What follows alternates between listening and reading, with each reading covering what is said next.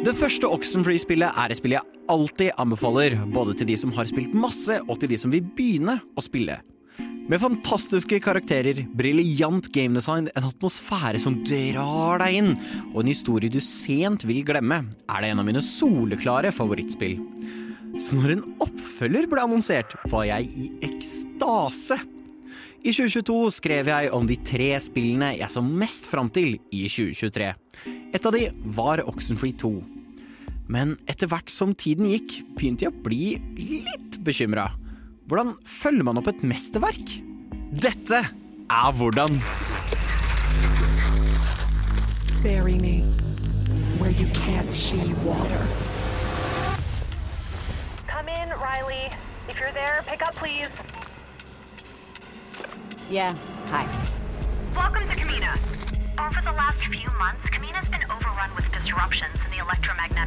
Oxenfree 2 Lost Signals foregår noen år etter det første spillet. Den mystiske Edwards Island står fortsatt sentralt til historien, men denne gangen foregår historien på fastlandet, i den fiktive byen Kamina i Oregon. Vi har også et helt nytt cast med karakterer. Den eh, slitne og sarkastiske Riley Poverly er vår protagonist denne gangen, og som fast følgesvenn har vi Jacob Summers, en ensom og smådeprimert altmuligmann. Riley Poverly har av ukjent årsak dratt tilbake til hjembyen sin, Kamina, der hun har skaffet seg en ny jobb som montør av radioantenner. Det tar ikke lang tid før alt går til helvete når den første antennen tuner seg inn på Edwards Islands frekvens, og The Sunken fra det første spillet kommer tilbake. You children will never learn.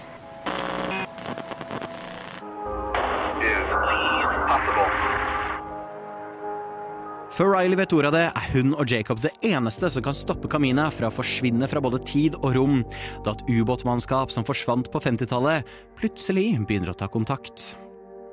Gjennom historien blir vi bedre kjent med alle de involverte. Jeg gikk fra å mislike både Riley og Jacob til å bli ekstremt glad i dem. Historien er fenomenalt bra skrevet og er full av spennende tvister og avsløringer, og siden dette er et spill der historien står sentralt, så skal jeg ikke si noe mer, men jeg kan legge til at jeg gråt som bare det på slutten. Gameplay er eh, simpelt, men nærmest perfekt. Night School Studios briljerer med integreringen av dialog og gameplay. Oxenfree har ikke noe combat, du beveger deg heller fra sted til sted for å sette opp master eller radioantenner, og underveis så tar du valg som kommer til å endre på historien. Under samtaler har du alltid tre dialogvalg, de er sømløst integrert inn i spillet, og i motsetning til de fleste spill i samme sjanger, så glir samtalene helt naturlig. Det er aldri noen rare pauser eller noe stutter det du velger hva du skal si. Riley kan avbryte andre karakterer midt i setninger, og det føles helt naturlig ut, som om det skulle vært i manus. Valgene du tar endrer mye på hvordan samtaler går, hvordan relasjoner blir mellom karakterer, og skjebnen deres. Jeg fikk umiddelbart lyst til å spille spillet gjennom en gang til, så jeg kunne ta andre valg og se hva som skjedde da. Oxenfree 2 har aldri dialogvalg som er snille, slemme eller nøytrale, som både skaper mer naturlig dialog, men også gjør det mer gøy å velge hva du har lyst til å si. Radioen fra det første spillet er tilbake. Du kan når som helst skru den på og tune inn til en lang rekke med frekvenser. Lydene fra radioen skaper en uneasy atmosfære. Alt fra kryptiske beskjeder, morsesignaler, støy med hint av noen stemmer i seg, og mer ordinære radiostasjoner som prater om matlaging og generelt problemer. Jeg gleder meg til å se hva slags hemmeligheter folk klarer å dekode ut ifra disse radiokanalene. Radioen brukes også aktivt i spillet for å løse både puzzles og for å lukke rifter i tid og rom. Riley, come in, Riley. Can you hear me? Riley?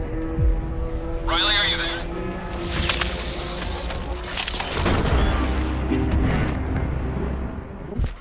Men nytt til Oxenfree 2 er en walkietalkie. Oxenfree 1 hadde fem karakterer som var nesten konstant rundt deg, men denne gangen er det egentlig bare Riley og Jacob. Walkietalkien brukes effektivt, så Oxenfree 2 kan ha flere karakterer som opplever historien fra helt andre perspektiver og steder enn deg.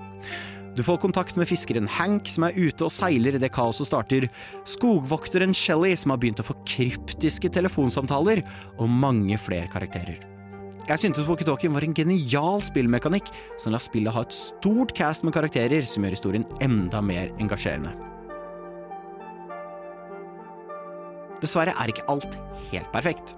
Mitt eh, største problem med Oxenfree 1 var at det ble litt, litt mye backtracking. Spesielt om du ville 100 til spillet. Dette er dessverre fortsatt et problem, absolutt ikke verdens største problem, men det er en liten torn i det ellers så perfekte spilldesignet. Oxenfree 2 gir deg nå muligheten til å legge ut tau og andre midler som skaper snarveier, så backtrackingen er ikke like ille, heldigvis, som i det første spillet.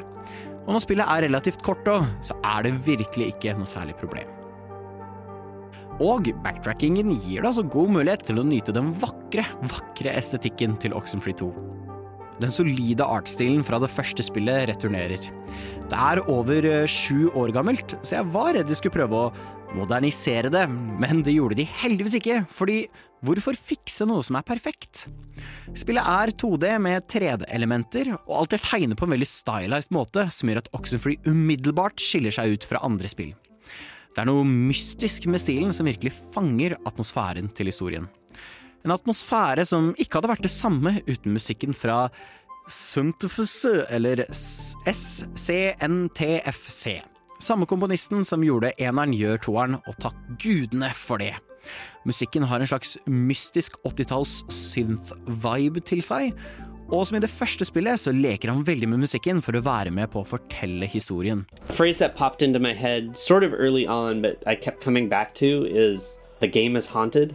And so I thought of that as the music is haunted as well. And so we be, I became at least aware of that and started to build with that idea of like, well, what if we've broken the fourth wall over and over again, and it's this meta thing where this music from the game also has elements of the game in the music, and that exists outside of you know anybody actively playing the game from start to finish. Musikken kan plutselig begynne å skurre. Det kan virke som det er noe radio interference som dukker opp inni der.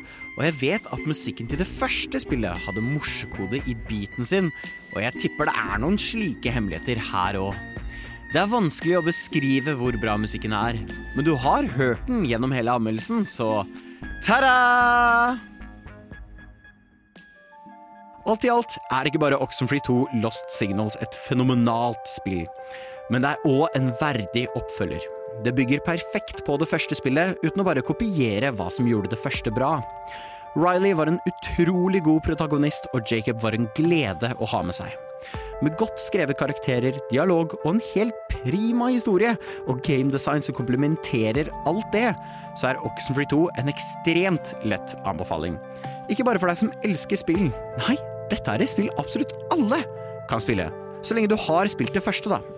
Jeg gir Oxenfree 2 Lost Signals 85 av 100 troikabarer. Definisjonen på short and sweet.